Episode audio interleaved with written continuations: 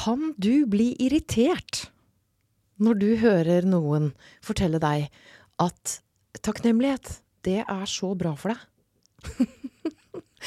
da er du som meg. Altså, jeg kan bli veldig irritert av det. Særlig på litt sånn dårlige dager, hvis jeg har litt liten tid og stanger huet opp i døra til kjøkkenskapet. Eller eh, jeg går på et avslag, eller har vondt i forfengeligheten min. Eller vondt i oppmerksomheten. Kanskje har jeg litt vondt i ensomheten i det hele tatt. Da er det ikke så lett. Men så er det sånn at forskningen, den er veldig klar. Det å aktivt praktisere takknemlighet, det gir glede og pågangsmot. Jeg heter Katrine Aspaas, og du hører på Oppdrift. I denne episoden her så vil du få selve motoren i øh, hverdagsoppdrift. Og denne forskningen bak øh, selve motoren, den kommer rett fra USA. Rett fra Yale-universitetet i USA. Og det er ikke tilfeldig at vi eh, er i USA akkurat nå, fordi denne uken her Store deler av USA er på vei hjem denne uken. Onsdag kveld. Hvor nå enn hjem måtte være for dem. De er på vei hjem til kalkun og cranberry sauce, altså som er deres tyttebærsyltetøy. De er på vei til cornbread og pecan pie og det lyse gresskar rundt i gatene. På torsdag er det thanksgiving. Da feirer amerikanerne høstingen av mat, og i det hele tatt høsting av små og store eh, Skal vi kalle det små og store velsignelser, da, det året som er gått. Og i USA er det nesten større enn jul. For de har nemlig fri på torsdag, og de har fri på fredag. Eh, og når de er på vei hjem til thanksgiving så er det akkurat sånn som det er ved høytider, da. Ikke sant? Det er dine og mine og våre barn. Eller det er ingen barn. Ikke sant? Noen feirer med venner, øh, og det er hjem. Noen har akkurat mistet noen, kanskje. Noen har akkurat funnet noen. At det er glede, og det er sorg, og det er livet. Og her passer det å dykke litt ned i hva forskningen sier om thanksgiving, og om å praktisere takknemlighet. Så jeg husker da jeg studerte i USA, at jeg ble helt sånn fascinert av at hele New York altså var på vei hjem. Var på vei ut av byen, på vei hjem eh, på denne onsdag ettermiddagen. Og denne uken her. Så jeg inviterer deg akkurat nå, hvor du nå måtte befinne deg, og jeg ser deg for meg i bilen, eller kanskje du er på bussen. Du kan jo gå en tur, eller du sitter i sofaen med pledd og te. Så herved er du invitert. Hva er du takknemlig for akkurat nå? Uh, og før vi tar forskningen, og før vi går inn i, i hva som skjer på cellenivå, når vi sammen nå driver og, og, romsterer litt med takknemlighet, så skal jeg uh, dele litt uh, hva jeg er takknemlig for akkurat nå. Jeg, jeg kjenner hver eneste kveld på Bislett, når jeg går tur med hundene mine, så tenner naboene mine levende lys i vinduet. Og jeg er så takknemlig for det. Og jeg er takknemlig for gode naboer. Og akkurat her jeg sitter, så er jeg kjempetakknemlig for å få lage denne podkasten. Og ikke minst for at du hører på. Og jeg eh, Når jeg nå sitter og ser ut av vinduet, jeg ser noen vimpler som blåser, som blafrer i vinden så kjenner jeg på denne oppdriften, da. Og jeg ser for meg deg som er med å praktisere din takknemlighet. Jeg kjenner det som en sånn Jeg kjenner at jeg smiler her jeg sitter. Og det er det med praktiseringen at vi blir gladere. Og jeg vet ikke om du kan kjenne deg igjen, men jeg kan helt uten å være oppmerksom på det, sitte og marinere meg sjøl i bekymring. Altså, jeg kan jeg kan, det kan f.eks. skje hvis jeg går inn på sosiale medier og, og liksom tar meg et bad i sånn der sammenligning med andre og kommer dårlig ut av det. altså, jeg kan Av og til så kan jeg ta meg sjøl i å At jeg liksom har sånne rynker mellom panna, og jeg sitter og lager meg historier og bekymrer meg. Og dette er forsk... Nå nå, nå, kommer vi til forskningen, fordi hjernen den lurer oss litt. Vi mennesker vi er ganske dårlige til å forutse hva som gjør oss glad. Og det som er så paradoksalt, er at det er vår kapasitet til å tenke som kan gjøre oss miserable. Fordi som det, det rare pattedyret vi er, da, så går vi og driver og analyserer tidligere opplevelser, glede og smerte Altså, jeg sier vi, jeg kan si jeg. Men så lenge det er forskningen, da jeg siterer nå, fra uh, Harvard Medical School En forsker der som heter Ronald Seagull, som dessverre uh, gikk bort for noen år siden. Men han sier det at det er kapasiteten vår, det er tankene våre, som kan gjøre oss miserable. Uh, I stedet for å liksom være sanselig til stede akkurat her og nå. Så det er oppfordringen, da. Akkurat her og nå, når vi sitter og praktiserer denne takknemligheten sammen. Det gjør vi akkurat nå. Og det er veldig lurt, sier, viser forskningen til uh, Ronald Seagull. Og han sier det så fint. Når sammenligningen kommer inn, forsvinner gleden ut.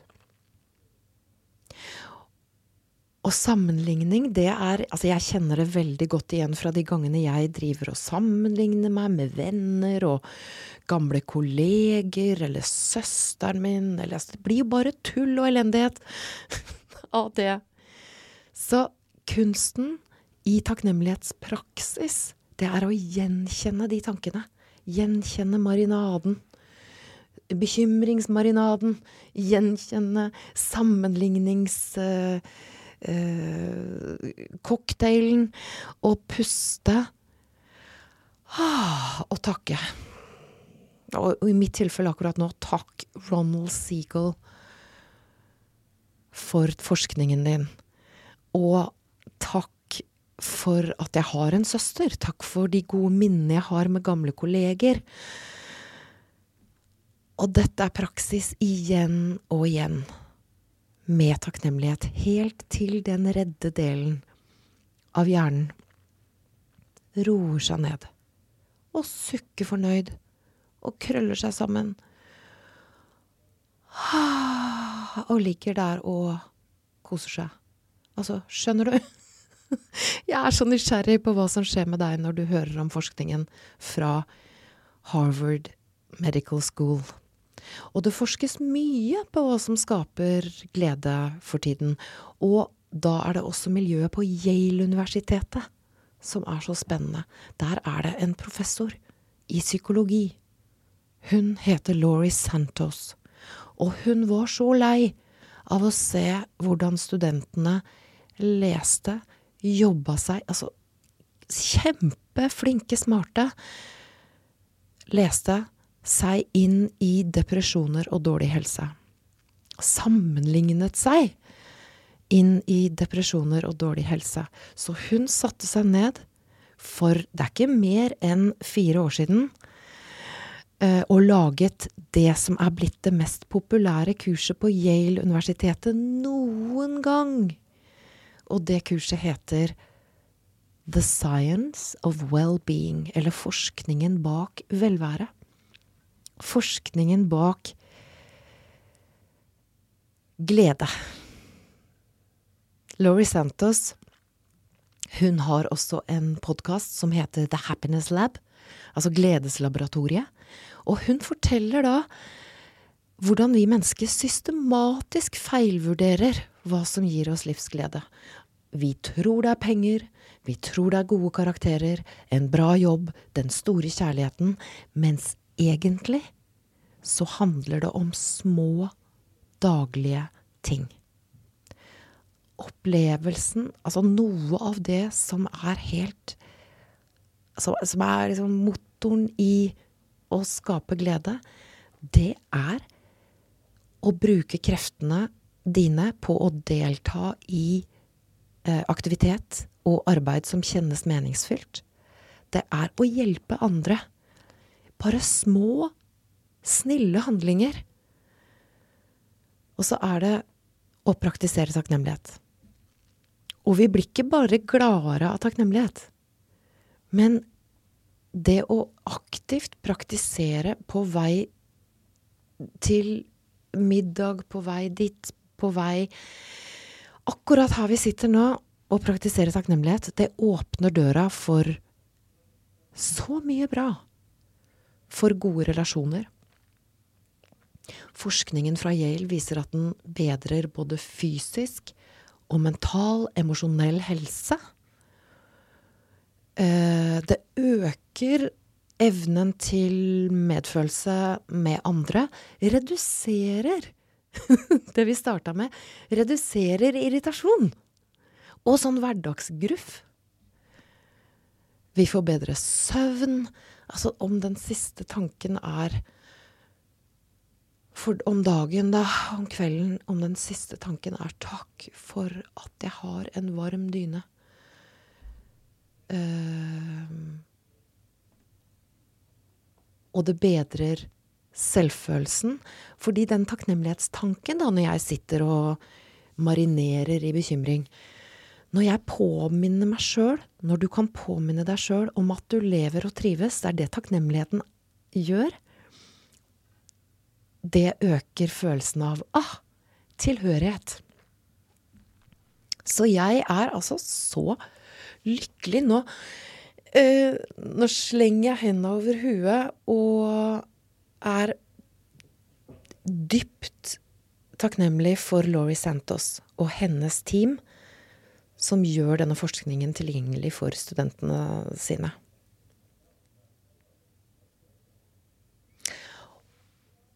Og så har jeg lyst til å ta ett skritt til i retning av takknemlighet. For hva er det egentlig? Det ligger gjerne en misforståelse der. For meg var det i hvert fall sånn at jeg lenge knytta det opp til litt sånn takknemlighet for at jeg fikk noe, eller gaver. At det er utveksling av tjenester og gaver. Og med en sånn forventning om en gjengjeldelse. Og da blir jo livet et sånn slags nullsumspill som tar utgangspunkt i en knapphet. Mens, viser da eh, takknemlighetsforskningen, det å praktisere aktivt takknemlighet, det handler om å tappe inn i en overflod. For altså, hvor kommer godheten fra? Hvem er det vi egentlig takker? Og ofte så er det jo knyttet til noe på utsiden av oss. Altså havet, for eksempel. Bølgene. Blomstene. Eh, for smaken av Smaken av kaffe smaken, lukten av et bål. Altså sånne sanse Det å aktivt da sørge for å å koble på sansene. Og til slutt så kommer takknemligheten for viderekomne. Og det er å takke for alt som skjer. Gode ting, dårlige ting. Julestemningen, valper, takke for kjærlighetssorgen, takke for den slitsomme jobben. Altså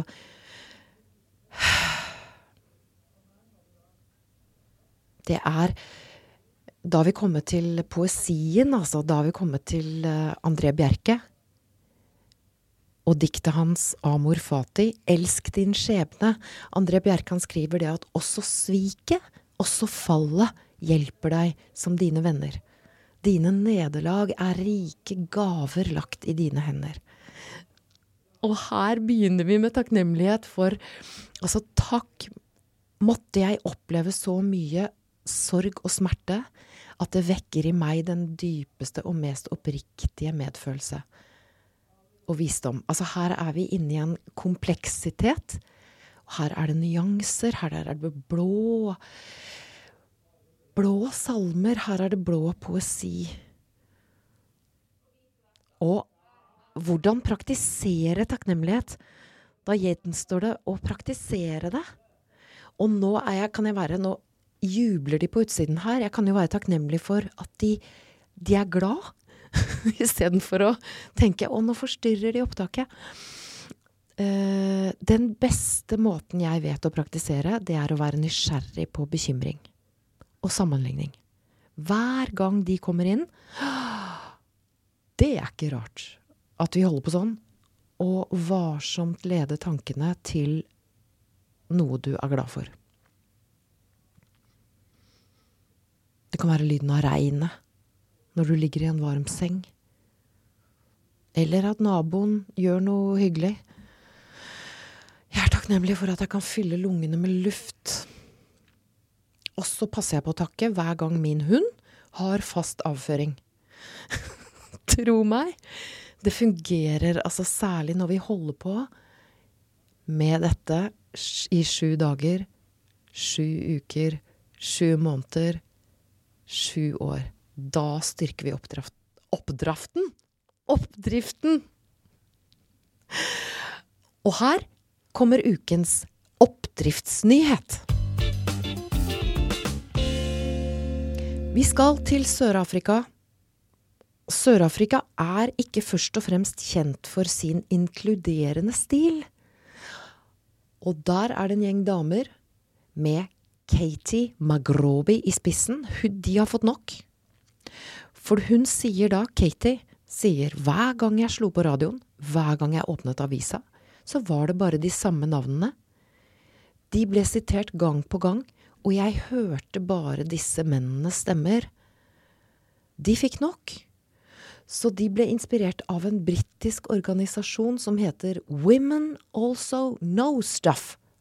De samler en stor database med kvinnelige eksperter innen statsvitenskap og utenrikspolitikk, og gjør det enkelt for journalister og nyhetsprodusenter i Sør-Afrika å finne en kvinnelig ekspert. Altså, dette går ikke av seg sjøl. Mine damer og mine damer og mine herrer.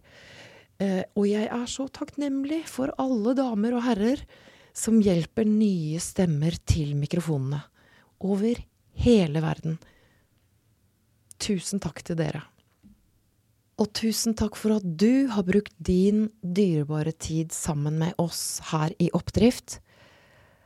Og her kommer thanksgiving-ukas lille oppgave. Hva er du takknemlig for? Igjen og igjen, uansett hvor du måtte befinne deg, så skal jeg love deg at jeg driver med det samme.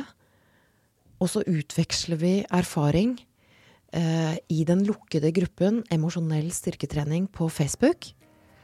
Og husk å være god og tålmodig med deg sjøl gjennom dagene. Tusen takk for at du hørte på.